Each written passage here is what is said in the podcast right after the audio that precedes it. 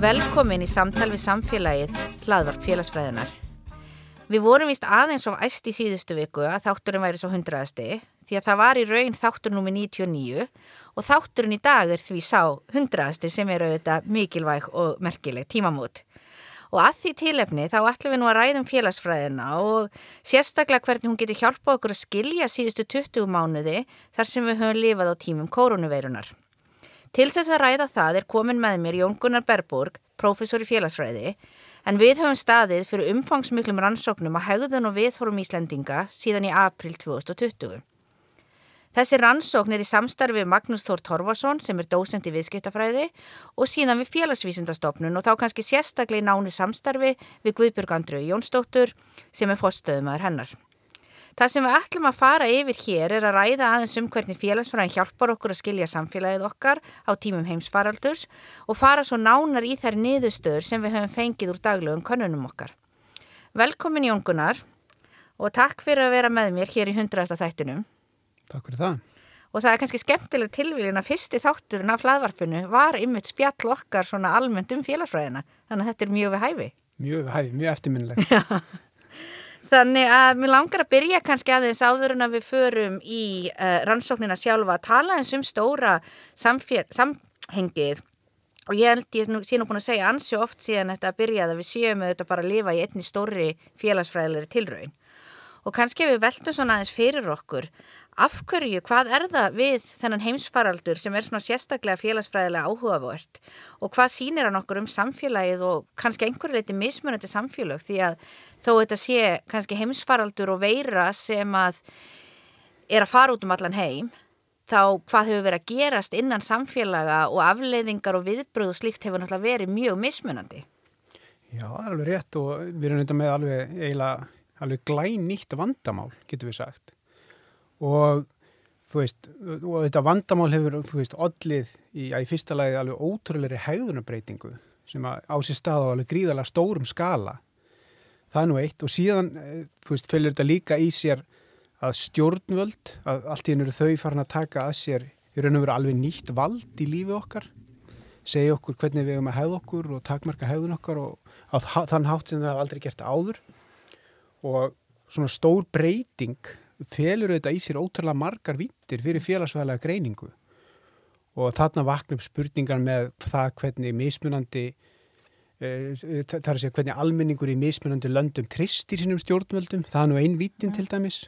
Og þá sér maður líka hvernig almenningur í mismunandi löndum hefur brúðist mjög misjafla við því, þeim tilmælum stjórnvalda sem að e, hafa reynum verið, verið til þess að hveða niður faraldin. Það er ótrúlega margar vittir í þessu. Já og mér finnst líka mjög áhugavertið mitt eins og að já, þetta er nýtt vandamál eða svona náttúrulega við höfum verið með kannski veiru sítkingar og höfum náttúrulega gengið í gegnum að við heldum kannski að SARS yrði eitthvað eða svínaflensan eða H1N1 eða eitthvað slíkt en í rauninni þetta fyrsta skiptið allavega á okkar lífsæfi sem að það verður eitthvað úr svona okn sem að kemur. Og mér finnst einmitt alltaf rosalega áhugavert að einhvern veginn velta fyrir sér bara lífið sem við lifðum í janúar 2020 og ef okkur hefði verið sagt þá hversu mikið myndi breytast ef okkur hefði verið sagt að við varum alltaf að kenna á netinu í april og að við varum hægt að fara á veitingastadi og bari og bara í rauninni hægt að lifa í samfélagi nema kannski á netinu þá held ég að við hefum ekki trúa því. En svo var í rauninni kannski svona ótrúlega fljótt sem að fólk virtist bara aðlagast eins og kannski sérstaklega á Íslandi og þú komst aðeins inn á hér með munin á milli land og munin á hegðun almenning sem við höfum séð til dæmis veruleg mótmæli í sumum öðrum löndum. Við höfum séð einhver hér á Íslandin mjög lítil. Hvernig myndur svona kannski lýsa árinu eða þessum átján mánuðum á Íslandi varðandi hvernig svona okkar viðbröð voru og Ég með sé náttúrulega kannski bara að blasa við ótrúlega samstöðu og, og, og sem að byggja þetta á svona ákveðnum einkinnum í Íslands samfélags það, við erum svona tröst samfélag þar sem að við berum ótrúlega mikið tröst til annars, svona mm. mörgu leiti við berum heilmikið tröst í stjórnvalda líka þrátt fyrir allt þótt við séum með skipta skoðanir um, um margt mm -hmm. þá er þetta, ég held að það sé svona það sem að stendur upp úr að við berum þetta saman við önnu lönd, að það er þessi mikla samstóð og tröst sem að, sem að útskýrir að mörgu leiti, útbreyta svona þess að út, hvernig, hvernig svona alminningur svona soldið sinni eins og ein, einstaklingur eh, tekur þessari hegðunabreitingu ótrúlega vel, mm -hmm.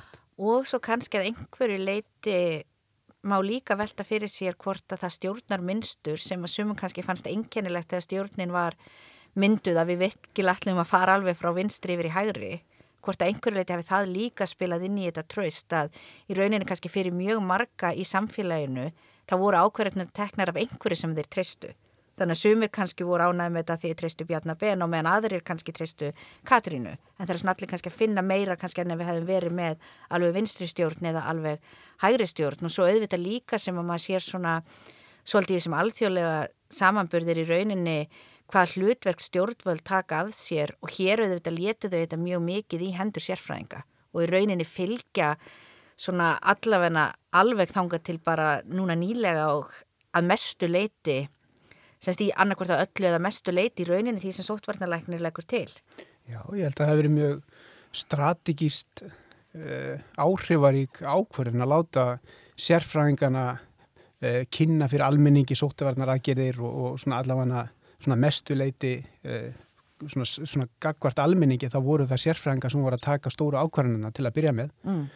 vegna þess að þessi sérfræðingar, þessi læknar og heilbreyðsíðuvöld það, það er ekkit óbúslega skipta skoðanir í samfélaginu um hvaða hlutverk þetta fólk mm. gegnir og um, um það að það sé að taka ákvarðanir af heilindum. Mm. Þannig ég held að það standir svona upp úr. Já, og rauninu svona kannski að mörguleiti í byrjun faraldus þá verða þau þrjúsól til svona kannski bara andli tröstin sem á að leið okkur í gegnum þennan faraldur og þá verður mjög fljótt líka kannski svona þessi tilfinning sem við komum líka meirinn hér á eftir að við séum í rauninu öll að berjast við þetta saman, við séum svolítið öll í saman bátnum. Akkurat. En svona ef við hugsaum aðeins tilbaka, svona, þetta er svona kannski einn af þessum stóru viðburðum og ég mani mitt og þú skrifaði einmitt bókum uh, mótmælni kringum hrunið og ég mann þegar var hrun ráðstefna hér haldinn tíu árum eftir hrun og allir voru að tala um hvernig þeim leið þegar hrunið aftur sér stað þá fannst mér ég svolítið svona útilokkuð að því bjóði bandaríkunum á þeim tíma. Þannig að fór ég að hafa svona tilfinninga bara ég mista af einhver en þessu misti ég nú ekki af. Og ég held kannski að þú veist ef við hugsun tilbaka þarna í mars og kannski april þá svona höfðum við einhverja tilfinningar um að það væri eitthvað virkilega stórt að fara að gerast. Þetta yrði einhvern veginn Ég held að við höfum aldrei geta gert okkur grein kannski fyrir því að við myndum ennþá verið COVID 20 mánuðin setna en allavega þetta myndi í skamman tíma breyta verulega hvernig við hugsaum um samfélagið okkar og hvernig við höfum okkar daglega lífi. Þannig að kannski mér langar svona aðeins að, já, láta það kannski hugsa tilbaka þarna í mars svona bæði almennt en líka svona kannski að þessu að ég allavega fekk þá tilfinningu mjög fljótt að hér er bara eitthvað rosalega félagsfræðilega áhugavert að gera og við verðum að mæla eitthvað, ég veit ekki hvað og ég veit ekki hvernig en við verðum einhvern veginn að ná þessu sem að er að gerast núna og það náttúrulega kemur hjá okkur og Magnúsi og félagsvítastofnun og kannski bara svona að við myndum, já þú myndi segja mér almennt frá og við getum svo spjallað um þú veist hvað var það einhvern veginn sem að gaf þér þessa tilfinningu að við einhvern veginn þyrtum að ná að mæla hvað var að gerast hvernig fólk væri að hugsa um þetta og hvernig það væri að hæða sér? Já, sko, já, svona al, á almennan hátt á þetta er, þegar það er ekki tilviljun að félagsfræðin sprettur uh, fram í verkum Marx, Webers og Durkheim mm. sprettur fram á tímum mjög hraðra breytinga að vegna þess að við þegar við, þegar við búum í, í svona kirstuðu samfélagi þar sem litla breytinga vera að þá uppum við bara samfélagi sem svona sjálfgefin veruleika. Og það, það er erfitt að sjá að samfélag sé samfélag, þetta er eins og fiskurinn í sjónum, hann hefur aldrei séð neitt annað en sjó. Svo ef hann kastaði upp á þurrt land þá fattar hann að það er sjór sko, hann nú er hann á þurru landi. Þannig að breytingar eru uppspretta eh, félag, í, þessu, í þessum skilningi félagsvæðalega greiningar, við sjáum samfélagi þegar það breytist. Um, það sem að mér fannst sko ekkert einn blasa við, það er vegna þess að ég hef sjálfu verið að haft mikið áhuga á, á hérna, fjöldahægðun og ég er nú verið að stúdra fjölda mótmæli mikið og, og svona á almennari hátt þá hafa félagsvæðingar áhuga á því sem við kallum collective action eða, eða samiðilegar aðtapnir og þetta eru aðtapnir bara svona almennt séð þar sem fólk kemur saman og vinnur að einhverjum sameilugum markmiðum. Þetta geta verið mótmæli, þetta geta verið sko allir út að þrýfa hérna alminnisgarðin eða eitthvað slíkt og þá vaknar þessi spurning sko og þá vaknar þetta sko þetta erfiða málefni með farþegavandan. Byrja, af hverju ætti fólk að taka þátt í einhverju, einhverju verkefni, einhverju samílegu verkefni eða getur bara látið hína um það, mm. skiljið, og það, það, það er þetta, þetta er þetta dilemma sem að félagsvæðingar hafa alltaf haft svolítið mikið áhuga á. Og það er alveg ljóst sko að þegar faraldurinn skellur á í hérna e, á síðasta ári að, að, að, fólk að fólk er að hæða sér saman, fólk er að taka þátt í þessu og þetta hlýtu þá að vera tækifæri til þess að stúdira einhvern veginn ná utanum þau öll sem að, sem að rinda fólki í þáttöku í svona samíla aðtapnir. Að því að það að taka þátt í sóttvarnaraðgerðum, að hitta ekki ömmu sína, að þú veist, uh, hérna, hitt ekki vini sína og að þú sér um hendunar og allt þetta, mm. þetta er bara erfitt, þetta er heilmikið kostnaður. Áhverju leggur út í hennar kostnað? Já að því að það skapast kannski einhver svona þessi samstæði og hún alltaf eins og við séum sem aðurum samfélagum skapaðist kannski ekki eða minna Já. mæli og það er einmitt rosalega mikilvæg punktur sem á kemur inn á með að hugsa um bara hvernig félagsfræðin verður til sem fræðigrein og því hefur auðvitað verið haldið fram að í rauninni mikilvægi félagsfræðinar er aldrei meira heldur en á tímum stóra samfélagsleira breytingu og þá líka verður hún oft vinsalt því að þá fyrir fólk að sjá býti nú vil ég skilja þessi kerfi sem er svo klárlegur að hafa alls konar áhrif á mm. mig frekar en heldur kannski þegar við erum í sem stöðuleika og þá fyrir við kannski meira að horfa inn, inn á við og bara ég sem einstaklingur í rauninni get um, bara haft öll þau áhrif og ráðið mínu lífi að öllu leiti sem sjálfsög við vitum að er ránt og mér finnst það einmitt líka svolítið sem var mjög áhugavert að sjá bara svona strax í rauninni COVID og kannski allavega fyrir mig kannski hverki betur enn í bandaríkjunum þar sem við reynlega sáum bara hvernig kerfin voru að hrinja og mér fannst það líka svona hluti af mjög mörg af því sem var að koma fram í þessum heimsfaraldri var kannski ekkit sem var að koma okkur sérstaklega óvart með það sem við vitum út af félagsfræðinu og hvernig kerfin virka og um samspil samfélags og einstaklings. En allt í hennu var stundum bara eins og kannski almenningu verið fann að tala eins og félagsfræðingur því að fólk var að fara að sjá þessa hluti á miklu skýrara ljósi út af því sem var að gerast. Já, ef við myndum hérna að nota orð Sýrætt Mills að þá, þá, þá veiti, veita svona breytingar almenningi hið félagsvæðilega ímyndunar. Mm. Sýrætt Mills talaði um það þegar við, að, að, þegar við getum borið saman líf einstaklingi í ólíkum aðstæðum að þá gefur það okkur félagsvæðilega insýn og það er það sem gerist. Mm. Fólk fær félagsvæðilega insýn þegar það upplifir breytingar. Já. Ég held það og þegar það ferir mynd að sjá kannski að þú veist þetta er svona, við erum öll að sumuleita fást við það sama en það er að hafa mjög ólík áhrif á okkur til dæmis eftir hvers konar uh, ákvarðanur teknur á stjórnvöldum sem að við erum kannski svona í okkar daglega líf ekkit rosalega velta fyrir okkur hvort að einhver ákvarðun sem að heilbreyðisra á þeirra að taka hafa einhver verulega áhrif á mitt daglega líf. En þegar þessar ákvarðanur kannski orðnar um það hvort að ég megi já, ég menna, við getum tekið stem dæmi eh, hitt nýju vinni mína eða 49 eða 199 þá ertu farin að sjá bara mjög í raunin beinan hlekka á milli ákvarðana og áhrif á lífs einstaklinga sem aftur náttúrulega við förum í sírætt mæls sem að náttúrulega talað um þetta í rauninni að þetta mikilvægi einstaklings og samfélags og hvernig náttúrulega bæði þessi hlutir eru stöðu að hafa áhrif á okkur, líf okkar og lífs viðurværi og lífstækifæri en líka eins og þú kemur inn á og við komum meirinn hér á eftir um hvernig náttúrulega það eru við sem á endanum breytum samfélagin. Ef það eru nógu mörg okkar sem að kannski viljum eitthvað ákveðið, það er þá sem að við sjáum samfélagslega breytingar og auðvitað geta kerfin breyst því að kerfin eru jú öll félagslega sköpuð þó við upplifum þau ekkit endilega þannig alltaf í okkar daglega lífi þegar við erum að ágjur af alls konar hlutum. Nókvælega. En ef við færum okkur síðan aðeins yfir þá ég að tala um nákvæmlega hvað við vorum að mæla og gera og mér langaði svolítið að uh, byrja á bara svona til að fólk nái nákvæmlega hvað gögg við erum að nota og af hverju þau eru áhugaverð og hvað þau eru að segja okkur og við myndum kannski bara svona segja okkur stuttlega frá hvað var þessi vekkferð sem við byrjuðum á þarna bara þá, við byrjuðum að mæla 1. april 2020. Já, við mæl, byrjuðum með raun og veru að mæla, við komum mælingunum af stað 1. apríl 2020 akkurat þegar veru, þessi fyrsta bylgja var í hámarki mm. ég held að það hef verið bara fjöldi smita var alveg í hámarki um það leiti Algjörlega. og það sem við gerðum var sem sagt, að setja af stað uh, könnun í samstæðu félagsstofnun könnun sem er, veru, er framkvæmd á hverjum einasta degi og þetta er netkönnun þar sem að úrtak 200-300 manns svara spurningum um hvort að, þú veist, ég sé að taka þátt í sótvarnaraðgerðum, hvort að vini mínur og kunningar sé að taka þátt í sótvarnaraðgerðum, hvort ég telli að sótvarnaraðgerðum munum skila árangri í að bæla niður faraldurinn. Ímsa spurningar svona um einstaklingsreynslu eh, dagsins, mm. þann dag sem konnunin er gerð. Og þessi konnun er gerð sér að daglega yfir langt tímabil. Þannig að við getum fylst með faraldrinum í raun tíma og, og, og tengt saman þá hegðun við þorfu upplifanir í raun tíma. Síðan í öðru lagi þá eru við líka með mælingar um hvað er að gerast í faraldrinum sjálfum á hverjum degi. Það er að segja hver, hver, hversu margir er að smitast þann daginn, eh, hvaða aðgerðir stjórnvöld eru með í gangi, er 10 manna takmörkun, er 50 manna takmörkun, hvaða aðgerir í gangi.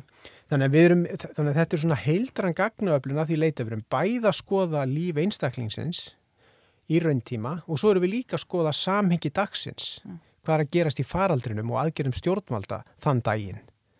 Já, og það er kannski áhugavert að segja frá því að við erum í rauninu, við byrjum aðna þá 1. apríl, við erum enna safnagögnum svo framalega sem að ég veit, við ætlum að byrjum á 50 bylginni, þannig að við erum í rauninni með gögn þá úr þessum fimm bylgjum ef við skilgreinum það þannig. Það er nú einhvað svona að vera að ræðum hvort að hafi raun og verið látt sér staðbylgja nummer tvö eða eitthvað slíkt. En allavega þá sem sagt erum við með frá þá fyrstu bylgu og svo annari sem fer inn í þriðju bylgu og svo aftur fjórðu og byrjum svo aftur núna í ágúst sem eru auðvitað líka sérstaklega áhugavert að skoða þó að það sé ekki komið kannski greinarnar sem við erum að tala um hér í dag en líka til dæmis hvað gerir það að í ágúst þá eru við í rauninu komin með hæsta fjölda smita á degi en við erum samt öll meira um minna bólusett. Og hvað áhrif er það þá á viðþorf og hegðun? Að það er náttúrulega allt annar veruleiki að því leiti og að sömuleiti hefur þetta kannski verið svona daldið þannig síðan við byrjuðum á þessu að að við svona hættum þegar er búið að vera ekkert að gerast í nokkuð langan tíma en mjög oft hefur það verið þannig að við erum rétt hætt þegar allt í unnu COVID komið aftur og við þurfum að byrja að, að sapna gögnum en þetta eru sjálfst orðin alltaf sé ekki svona hvað myndur telja 80% af tímanum síðan 1. april sem við erum með daglega mælingar. Já, eitthvað svo leiðis. Þannig að þetta eru mjög mikið gagnasafn. Þannig að við langar að fara aðeins inn í kannski að skoða það sem við erum að gera. Og við erum byrjuð að vinna með gögnin og eins og ég segi þá er að stundum svolítið svona áskorun að það bætist við gögnin á hverjum degi og það þarf að taka ákvarðinir um. Já en við vorum búin með þetta fyrir fyrstu þrjárbyggjunar öllum að bæta við því sem að kemur fjögur og fimm. En við erum sem sagt sem rannsóknateimi komið með tvær greinar sem að já eru komna svona einna lengst og það er annars vegar greinum hegðun fólks í faraldrunum og jóngunar leiðir þá vinnu og síðan um hvernig áhyggjur fólks hafa þróat sem að ég leiði. Og við byrjum þá kannski á að ræða aðeins um og velta fyrir okkur fjöldahægðunin í faraldrinum. Og þá langum við bara að byrja á að þú segir okkur hver rannsóknarspurningin er og svona bara af hverju hún er áhugaverð og þá kannski bæð út frá fræðunum en líka bara fyrir íslensk samfélag og bara fyrir okkur hér. Já, sko, já, út frá fræðunum þá er, já, sko, rannsóknarspurningin er þessi, sko, í raun og veru að skoða hvaða þættir það eru sem spá fyrir um e, þáttöku í sóttvarnarækjörðum. Hverjir er það sem að hlýða sóttvarnarækjörðum? Mm. Og við nálgust þetta út frá e, svona collective action sjónarpunkti eða sjónarhorni og spyrjum, veist, hvað, hvað þarf til að einstaklingur leggji út í þann kostnað að fylgja sóttvarnarækjörðum? Mm. Þú veist, að hitt ekki ömmu sína og alla þessa hluti. Mm og, og þá vaknar spurningin, betur hvað almennt séð, hvernig almennt séð getur við útskýrt þetta?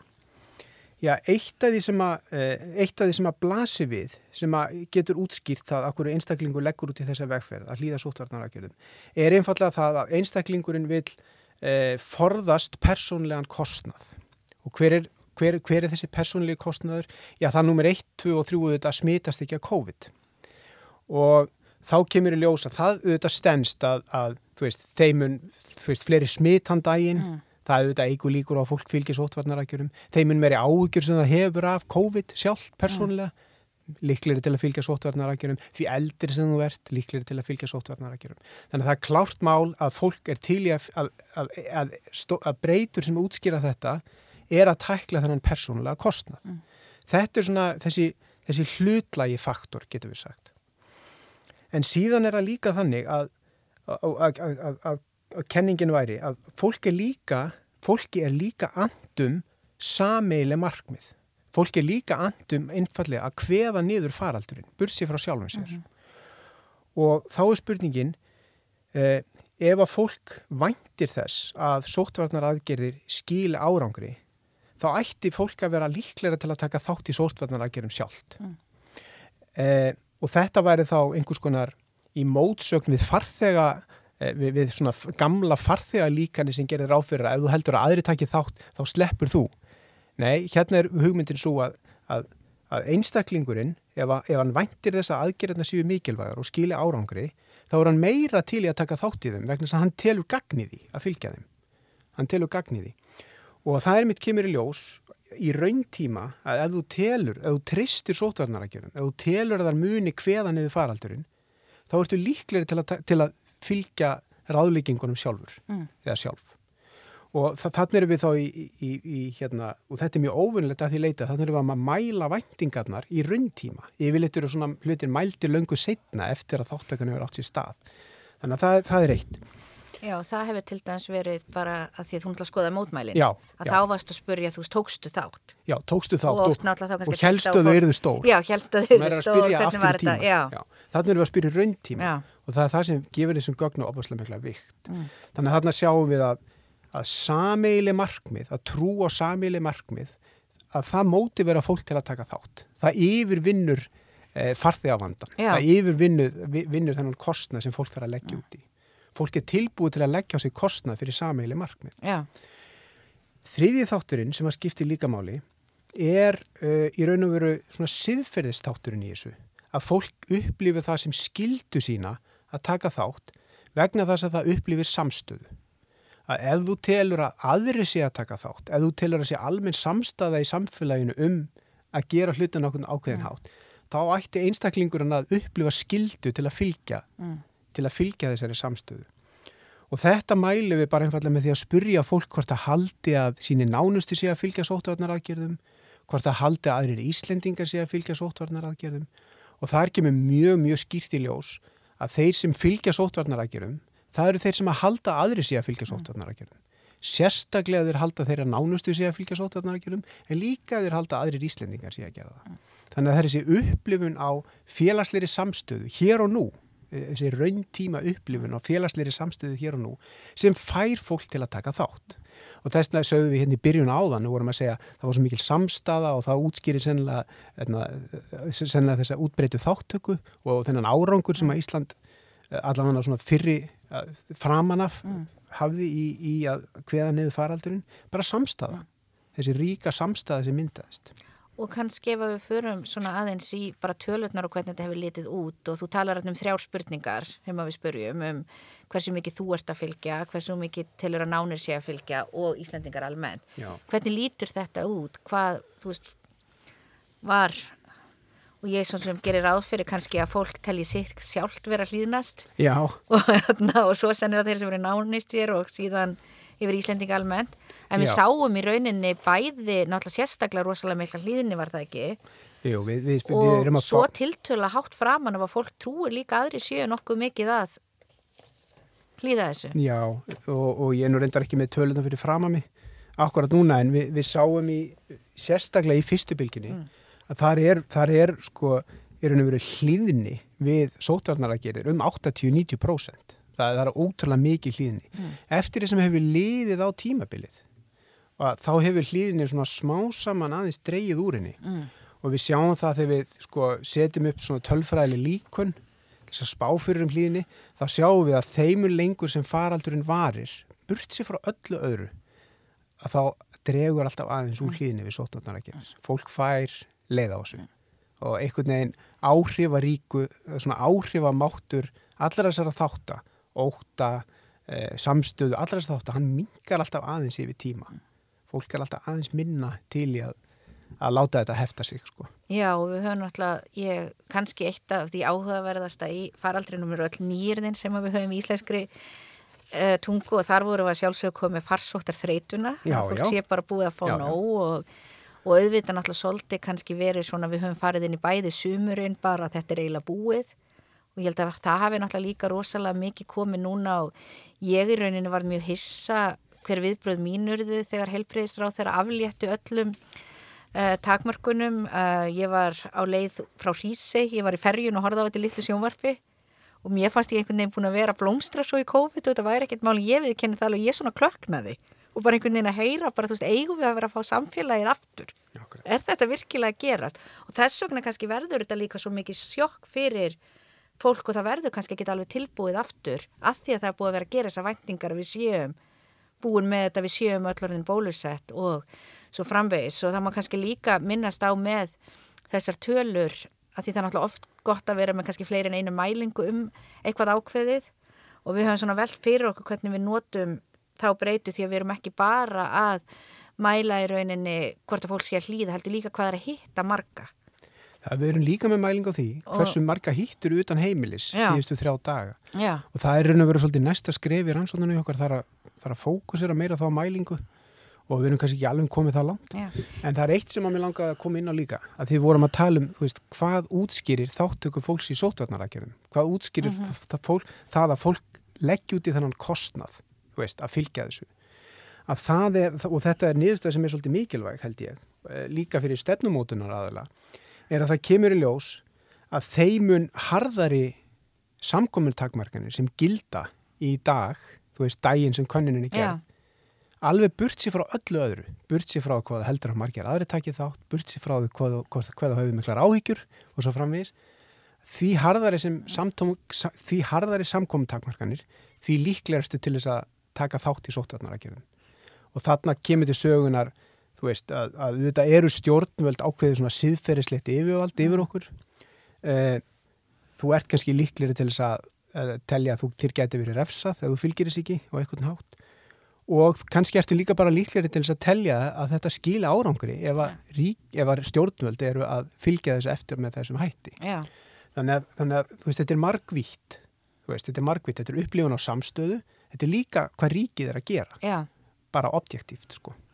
En svona eins og einstaklingsbundnir þættir sem að, og náttúrulega eins og vorum að ræða hér, að það er kannski, félagsfræðinu auðvitað hefur mjög mikinn grundvallar áhuga á svona þessum stóru félagslegu hópum. Við höfum kannski ekki áhrif á af hverju einn ákveðin einstaklingur gerir eitthvað, en við höfum áhuga á af hverju karlar eru líklegri til að gera eitthvað en konur eða þeir sem eru tekju hærri miða við þá sem eru tekju lægri og svo Já. framvegis. Þannig að hvað svona með þessa einstaklingsbundnu þætti, Já. hafa þeir einhver áhrif á, hverjir er þetta sem er að hlýða? já, hverju hlýða? Já, það eru Það er þeir sem eru eldri, Eldri. já, það, og það kemur ekki þetta óvart, vegna þess að það eru þeir eldri sem hafa mestar áhugjur að því að smittast á COVID. Já, Nú, það eru konur, frekar en kallar, og ég er nú alltaf spurður að því þegar, þegar ég kynni þessa nýstu, ég múin að kynna þeirra nokkur ráðstöðnum á árinu, byrju af hverju heldur að það sé?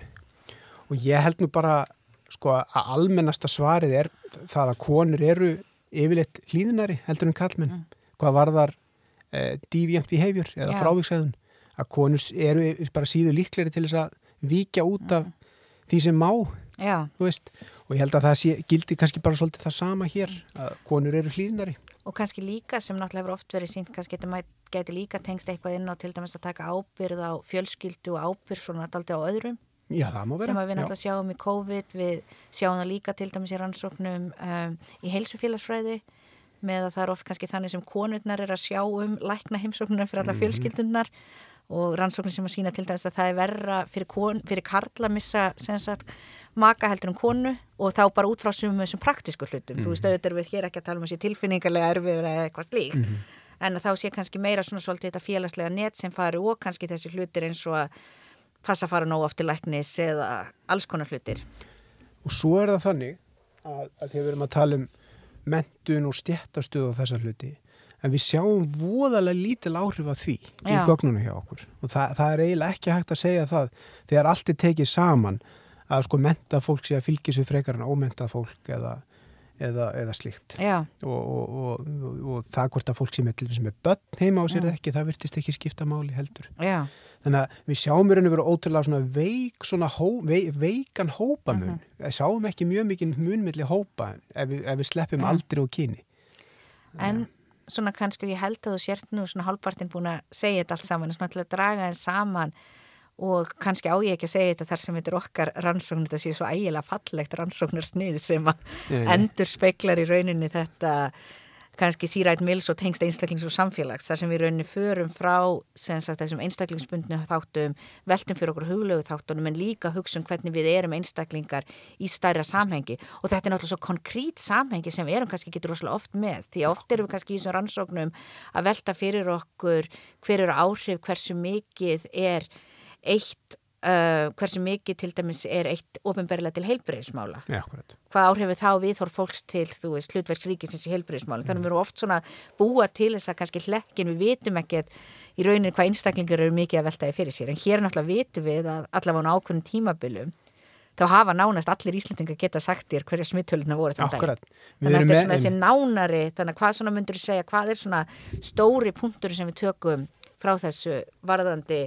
þetta frá samfélaginu yfir í huglaga, yfir í einstaklingsbunni þættina? Já, stóri punkturinn er að við sjáum, sko, við sjáum bæði einstaklingsáhrif og við sjáum líka samhengisáhrif. Það er að segja samheng, þið félagslega samhengi dagsins eh, mótar þína, mótar hegðun einstaklingsins, burt sér frá einstaklingsbundnum aðstæðum einstaklingsins, mm. eða mættu að vera það sem svo. Og þá eru við með eins og smittölur dagsins, það er bara, það er bara auka hlýðinni alveg burt sér frá öllu öðru við erum með aðgerið stjórnvalda þann daginn það er bara auka, því harðir aðgerir þá eigur það hlýðinni alveg burt sér frá öllum öðrum einstaklingsbundum þáttum eins og aldrei eða áhyggjum öllu því mm. og, og, en, en á samaskapi og hinn stóri punkturinn sem að mér finnst verið í þessu og ég vil ekki áslá að það er, að það er sko þessar rauntíma mælingar á sko á sko samfélagslegum markmiðum. Mm -hmm. veist, við erum að sína það að fólk er tilbúið til að fórna sér fyrir sameili markmið. Ég held að niðurstöðuna síni það svolítið. Mm. Að við erum ekki bara farþegar sko. Við erum, við erum til í að vera, við erum til í að leggja til kostnað ef við trúum á því að það skili sameili markmið. Mm. Og ég held að þetta er svolítið, svolítið stór punktur. Svo að þessi punktur sem er alveg gegn, gangandi rauður þráður í gegnum þetta allt saman, að það er upplifun á samstöðu. Mm. Ef við teljum að aðri sé að gera þetta, þá viljum við gera þetta. Mm. Og ja. þetta er náttúrulega líka mjög áhugavert kannski að því leiti að þarna eru við með að sjá allavega hér á Íslandi árangurinn, þú veist þetta er rosalega svona í rauninni reynd case til að skoða því að þú veist það er bara ákveðið markmið, við veitum alveg hvað markmiðið er, það er að nániðu smitum og svo vitum við hvað smitt hafa sagt, farið niður.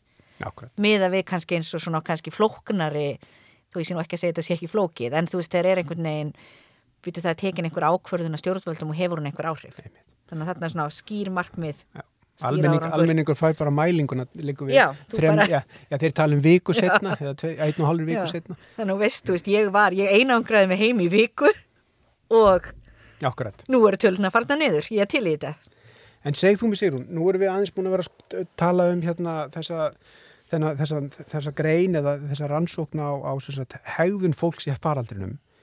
Uh, þú hefur svolítið verið að spekulera í áhyggjum fólks af faraldrinum og áhyggjum fólks af COVID. Hvað er það sem við erum að skoða þar og, og af hverju mikilvægt að skoða áhyggjur í þessu sambandi?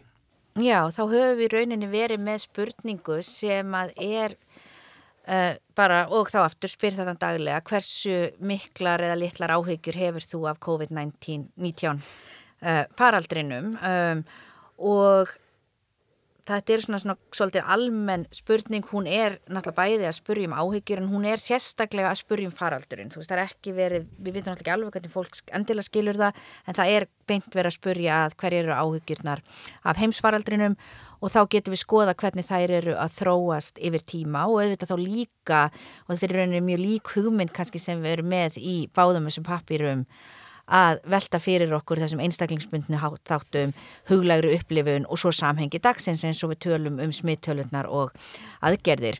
Um, af hverju vægtum við að skoða áhyggjur og það eru ymsar ástæður auðvitað fyrir því. Um, Einn þeirra kemur auðvitað til þess sem að þú sagðir hér áðan að þetta tengist hlýðninni og hversu tilbúin við erum að fylgja aðgerðum.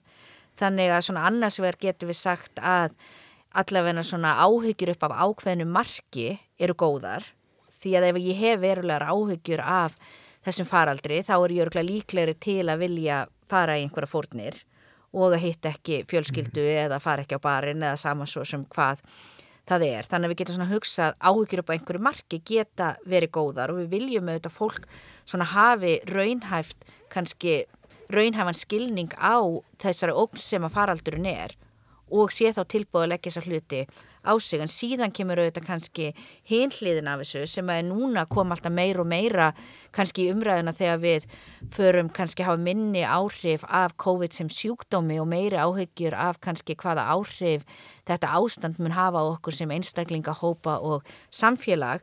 En þar komum við inn í að við vitum það að til dæmis ef að þú lifir í stöðugum áhyggjum eða ert með mjög miklar áhyggjur þá getur það haft verulega áhrif á hvernig okkur líður. Það hefur áhrif á andlega heilsokkar, það getur haft áhrif á streitu.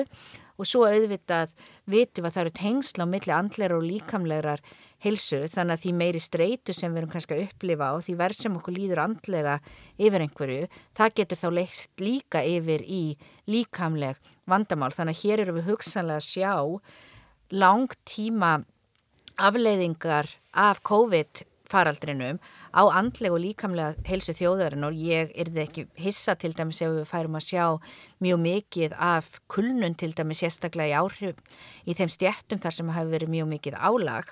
Þannig að svona áhyggjurnar svolítið geta gefið okkur kannski um, svona ákveðna insýn í þetta í faraldrinu sjálfum hvar við erum kannski að sjá hverjir er af áhyggjur og þar kemur kannski inn í það mikilvægasta sem að félagsfræðin eru alltaf að gera er að við höfum áhyggjur á þessum hópamun og þá mhm. getum við velt fyrir okkur er einhverju ákveðnir hópar í samfélaginu sem eru kannski sérlega viðkvæmir varðandi að hafa áhyggjur og þá ættu við kannski sérstaklega að vera að beina sjónum að þeim þegar kemur til dæmis að stefnumótunni eða hvers konar hluti við ætlum að vera að þróa til að reyna að draga úr þessum neikvæðu afleiðingum uh, COVID. Og það hefur auðvitað verið talað mikið um það hér hverja við höfum áhyggjur af. Við höfum náttúrulega talað um kannski fólk sem er í viðkvæmri stöða einhverju leiti við tölum hér til dæmis um aldurinn áður að við vitum alveg að þeir sem eru með undirlíkjandi sjúkdóma og eru eldri eru meira líklegir til að veikjast og veikjast alvarlega af COVID.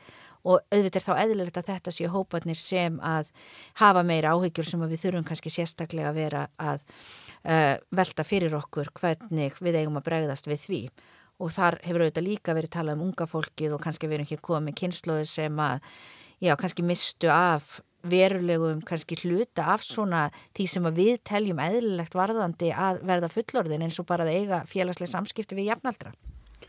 Hvernig Þú ert búin að skoða þessu gögn tölvöld vel. Hvernig hafa áhyggjur Íslandingar þróast í faraldinu? Já, það er, hafa, uh, það er áhugavert að skoða hvernig það, er, uh, það hefur gerst og uh, við erum þá hér sérstaklega með fyrstu og aðra bylgina og við auðvitað sjáum að Íslandingar hafa verulegar áhyggjur af faraldrinum og þær voru í rauninni kannski svona svolítið í hámarki ef við skoðum fyrstu bylgjun og fyrsta bylgjan kannski fer eiginlega daldi bara nákvæmlega eins og við heldum hún myndi fara. Þannig við sjáum þarna þegar við byrjum mælingar 1. apríl að þá eru áhyggjur í hámarki og um 70% Íslandinga segjast hafa mjög eða frekar miklar áhyggjur af faraldrinum. Þannig að það er svona með harri mælingum og þetta náttúrulega meikar alveg sens að þarna eru við með bara í rauninu vestasteg faraldursins, við erum með flestu smittin og meiri hluti Íslandinga er með miklar eða frekar miklar áhyggjur. Það sem við sjáum hins vegar í fyrstu bylgunni að þá sjáum við að það í rauninni dregur daltið úr þessum áhyggjum bara samfara því sem að smittum fækkar. Mm -hmm.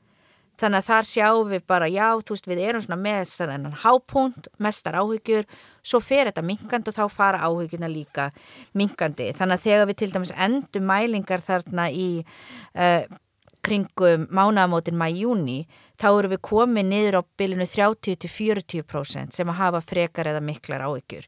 Þannig að svona, þó það sé einhverjar kannski breytingar eftir dögum, þá eru við að sjá svona leið niður.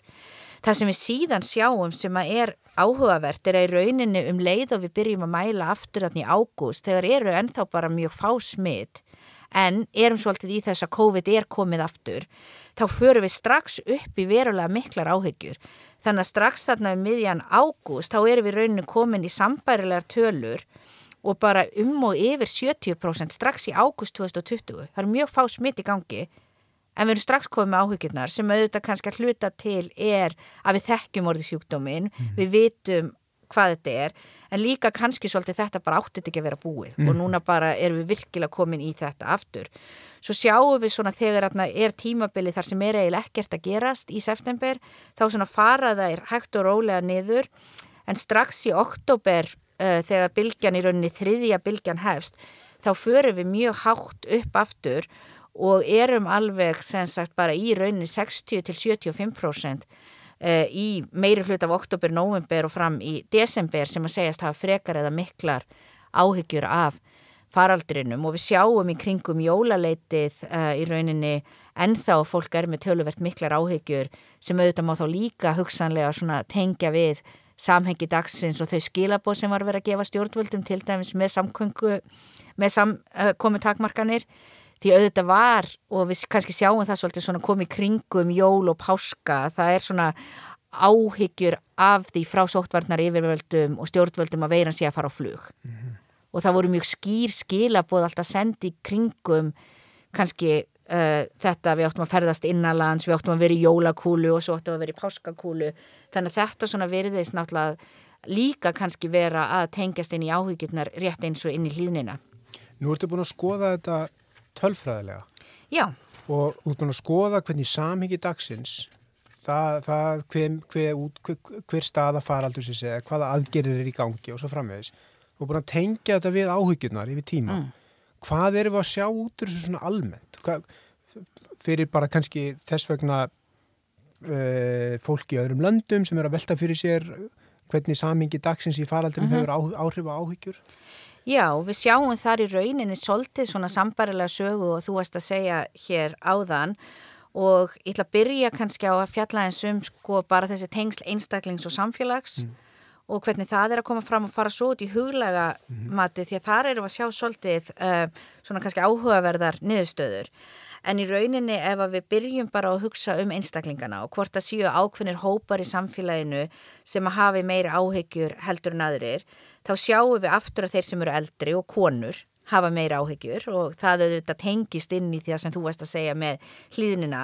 Og svo sjáum við líka þeir sem að búa á Suðunesjum hafa meira áhyggjur en þeir sem að búa á höfuborgarsvæðinu og það er alveg svona spurning, við náttúrulega vitum það ekki með þessum gögnum hver er skýringin fyrir því og ég vil nú ekki vera að gera neitt mikið úr því sjálfu sér en auðvitað náttúrulega er það kannski það svæði sem að kannski fyrst fór virkilega að sjá áhrifin uh, með að þar auðvitað eru með keflavíkur flúvöll mm -hmm. uh, þó að sé ekki beint verið að spurja að því. Uh, varðandi samengi dagsins og hugsa þá um þessa einstaklinga sem að kannski að einhverjum ástæðum eru líklega til að hafa meiri eða minni áhyggjur en búa allir í þessu sama samhengi þá sjáum við það sem sagt aftur og svona rýmar kannski það sem ég var að segja hér áðan að það eru meiri áhyggjur í bylgu þrjú heldur en bylgu eitt og það kannski sumuleiti kom mér svolítið á óvart að einhvern veginn því að í bylgu eitt þá erum við að fá stvið eitthvað sem er algjörlega nýtt mm -hmm. og þá náttúrulega þú veist kannski getum við gert ráð fyrir að það sé rosalega ógnandi að hér er bara allt í einhver veira sem við vitum ekki neitt um og það er engin meðferð og við vitum eiginlega ekkert um hana og við ættum kannski að vera heldur þá rólegri þegar við förum yfir í bylgi 2 eða 3 við vitum þetta, við kunnum þetta og við sáum það auðvitað líki orðræðinu hjá eh, við til dæmis manni eftir bara, þú veist, við mm. vitum hvað við hefum að gera, við kunnum mm. þetta, við mm-hmm. höfum reynsluna, en það verðist ekki hafa gert, svo auðvitað getur það líka þá tengst að því meira sem við kannski vitum um sjúkdómin og hvað COVID er, því auðvitað kannski meira áttum okkur á alvarleika hans. Og svo sjáum við líka að það eru meiri áhyggjur þegar fjöldi smita er herri og að það eru meiri áhyggjur þegar aðgerðir eru harðari. Ef við förum síðan kannski svolítið yfir í þessa huglægu og félagslegu þætti sem mm. mér fannst sérstaklega áhugavert í þessu og það er svolítið svona eins og við séum kannski að segja einhverjar tvær sögur eða mótsagna kendar sögur og hér semst að það sem við erum að skoða og þið heyrið hér að þetta eru mikið sumu mælingarnar við erum semst að skoða þá bæði sko eiginvæntingar af árangri hvort að þú teljir að aðgerðna muni ber árangur við erum líka að þá skoða um sem sagt hegðun þá bæði náina og hegðun Íslandinga almennings mm. uh, en semst hegðun um, þeirra sem eru nánar og hegðun Íslandinga almennt. Og svo gerðum við líka að með að skoða ekki bara eiginvæntingar sem sagt hvað mér finnst eins og einstaklingur og hvernig ég er upplifið á hvernig tímapunkti heldur settum við það í starra samhengi með því að setja saman í rauninni hva, hvernig myndir þú segja aggregative Eða bara meðal áhyggjur. Meðal áhyggjur. Eða, þannig, eða þannig að þá getum við sagt bara svona, þú veist, hversu í rauninni, já, væntingar, hversu í rauninni, hverjar eru væntingarnir í samfélaginu almennt, algjörlega óháð sko þínum væntingar. Já, bara þann daginn, sko. Já, þannig að þann daginn get ég verið með rosalega áhyggjur en það séu á góðri leið. Mm -hmm. Og það sem við í rauninni sjáum hér fyrst eru kannski, já, virðist vera í einhverju mótsögn að þá sem sagt annars við að finna við að þínar eigin væntingar hversu mikil, mikil árangur þú sem einstaklingur telur að náist af aðgerðunum og hegðun þeirra sem eru þér nánastir, það eigur áhyggjur. Mm. Já, þannig já. að sem sagt, uh, uh, já, þannig að þessir tveir þættir auka áhyggjur en síðan á móti kemur að sem sagt ef þú telur Íslandingar almennt séu að taka þátt í aðgerðum og þessar meðalvæntingar, mm -hmm. það dregur úr áhyggjum. Mm -hmm. Þannig að þú kannski mannst eftir þegar við, ég held að við sittið á skrifstofunum minni frekar en þinni þegar við sáum þetta já, já. og vorum einhvern veginn svona velta fyrir okkur hvernig getur þetta make a sense já, og þá svona fórum við svolítið að velta fyrir okkur aftur þessum hvernig við erum öll einstaklingar og við erum öll í okkar nánasta umhverf og svo erum við hlut af samfélagi mm. að þá í rauninni fórum við svona að velta fyrir okkur hvað eru þessar mælingar nákvæmlega endur spekla og þá svona allavega eins og við erum að vinna með þetta núna og kannski bætist við í dag einhverja nýjar pælingar hjá okkur mm. en svolítið svona þessi einstaklingssaga kannski sem að þessar eigin væntingar og þáttaka náina er að segja okkur eitthvað um okkar nær umhverfi að svona kannski segja okkur hvað við erum að hugsa, hvað er talað um þannig að við getum kannski hugsað að þegar þessir sem eru næstur okkur eru allir að hlýða, þá eru við kannski meira að tala um faraldurinn, það er svona meiri áhyggjur í félagslega netinu algjörlega sem er nálegast okkur, en síðan á einhverju tímapunkti þá kikki svona svolítið inn þetta samfélagslega viðhorf mm -hmm. og þá einhvern veginn um leið og við förum að fá þess og upplifa þessa tilfinningu um að við sjöum öll í sama bátnum, við erum öll í þessu saman, við erum öll að vinna gegn þessum faraldri að svona þegar við sjáum, herri, það er allir að taka þátt og það er einhver kannski svona stemming í samfélaginu um að við séum að ná árangri, að þá verðist það virka þannig að það dragi úr áhyggjum. Já, þetta er mjög áhugavert. Þetta er, þetta er áfram þessi saga um, þetta er, þetta er áfram saga um samstöðu, hvað hún skiptir miklu málu og upplifin einstaklingsins á félagsleiri samstöðu sem er náttúrulega eitt af þessum alveg klassísku við, klassísku sko við, félagsvæðinar, alveg síðan Emil Durkheim var og, og, og gerði mikið úr því efni hérna á, á, í, í byrjun 20. aldar. Já, og ég held að það sé meitt rosalega áhugavert að velta fyrir sér og ég held náttúrulega stóra sagan á Íslandi er saga samstöðu, allavega framan af. Já. Og svo þetta verður áfram áhugavert að skoða þetta núna í fjörð og fymtu bylgu, hvað gerist eftir að það eru allir meir og minna uh, bólusettir um, og síðan að sjálfsögðu sjáum við líka og ég meni ég til dæmis ég hér mjög áhugavert að bera saman Norðurlöndin. Mm -hmm.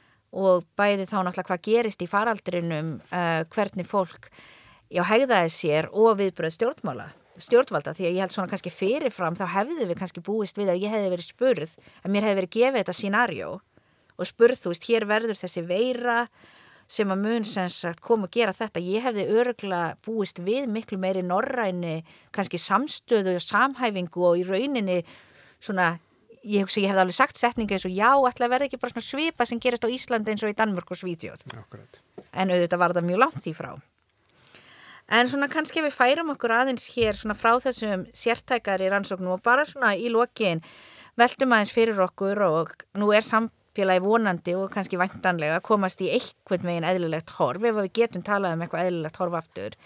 Og við veltum kannski aðeins fyrir okkur langtíma áhrifum COVID-19 uh, á samfélagið og bara okkur sem einstaklinga og hópa og er þetta eitthvað sem við sjáum að eftir að breytast til framtíðar eða á þetta eftir að verða bara svona svolítið eins og já, muni eftir COVID þegar allir voru heim alltaf, þú veist, fyrir tí árum og nú er þetta bara allt eins og var fyrir COVID eða er eitthvað við COVID og í rauninni að bara taka svolítið svona kannski time out úr bara eðlilegu samskipt, samfélagi og samskiptum sem að þarna á eftir að breyta hvernig við hugsum. Já, þetta er, er bara ótrúlega stór og erfið spurning mm. Og einhvern tíman lærði ég nú að að segja alltaf að ég spái ekkert fyrir um framtíðina, það er ekki hægt. Það er ekki hægt að spá fyrir hana, Það er en það er hægt. að velta henni fyrir að þetta sig. veltinni fyrir sér.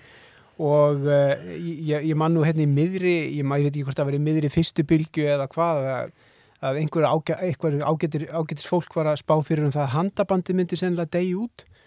Og ég hef nú ekki séð það gerast ennþá, ég held að fólk sé einmitt að byrja að takast í hendur aftur og að fólk er að byrja byrja að faðmast aftur að því að til þessi mega það og mér hefur nú sínst hérna bara lífið hérna bara á háskólakampus bara undanfarnar tvær vikurnar segir mér að, að hlutinni verið mjög fljótir að komast í, í tiltölulega sama horfið áður, allan að daglega lífið. Já, Svo er aftur og svolítið önnu spurning hvað gerist með hluti eins og e, munum við kannski í auknum mæli notast við fjárbúnað í kennslu og til þess að halda fundi og verða ráðstefnur bráðum úr sögunni þar sem við ferðumst millir landa til að hittast og allt þetta. Þetta eru bara opnar spurningar. Ég held að hljóta verða einhver breyting þarna og, og hún, er hún er náttúrulega ennþá í gangi núna svo breyting. Ég hef til dæmis ekki farið ellendis í, já, í næstu tvö ár og eins og samt búin að fara á margar ráðstefnur. februar 2020 fór ég til London. En svo er það auðvitað líka áhugavert og kannski eitt sem að COVID hefur auðvitað gert og ég myndi nú ekki ganga það langt að segja að það hefur skikt á kannski það sem fyrir COVID var allavega ein af stærstu ógnum sem við stóðum fram fyrir ef ekki stærstu ógnum sem auðvitað eru loftlagsbreytingar. Þannig að þá er náttúrulega líka eftir að velta fyrir sér sko því samhengi til dæmis að auðvitað var komin umræða um að draga úr ferðalögum og um flugferðir og hvað við erum ekki á ferðin og hvað það er að gera varðandi loftslagsbreytingar og framtíð jarðarinnar. Og kannski að sumuleiti getum við velt fyrir okkur hér ákveðnu samspili að um, til dæmis ef ég hugsa bara um sjálfa mig þá hafði ég áhyggjur af loftslagsbreytingum og flugferðum fyrir COVID. En það sem COVID-19 kendi mér var að segja að það er bara algjörlega allt í lægi að fara ekki til útlanda í 20 mánuði Akkurat, og fara á ráðstöfnur á netinu akkurat. þó ég reyndar sé komið með alveg upp í koka því og vona að ráðstöfnur muni nú takast aftur. Þannig að það er svona svolítið og verður auðvitað áhugavert til framtíðar að skoða þetta í samhengi og kannski að einhverju leiti finnst mér svona eitt af stæðsta sem að COVID hefur sínt er auðvitað að sína okkur svo klárlega fram á hvernig samfélagið og kerfin okkar og hvernig við hugsaum um tímin er, um hlutina er félagslega skapað og einhvern veginn hvernig ef aðstæður kalla á það þá verður hið ómögulega mögulegt að það sem við einhvern veginn hefum talið að væri algjörlega fast og gæti ekki breyst undir nokkrum kringumstæðum jafnvel breytist yfir nóttu. Akkurat. Að því að við, samfélagið er sjálfgefið, þóngatilega er það ekki. ekki Það er sjálfgefið þangatælað ekki þegar við allt í hennu komum upp úr og sjáum hvort sem það er sjórin eða kerfin sem er að hafa áhrif á okkur. Akkurat. Þannig ég held að þetta séu bara góð lokaorð hér í dag og takk kærlega fyrir að vera hér í hundrasta þættinum. Mín var ánægja. Þannig að þetta bara Mikill heiður. Þetta mjög skemmtilegt og bara takk fyrir að hlusta.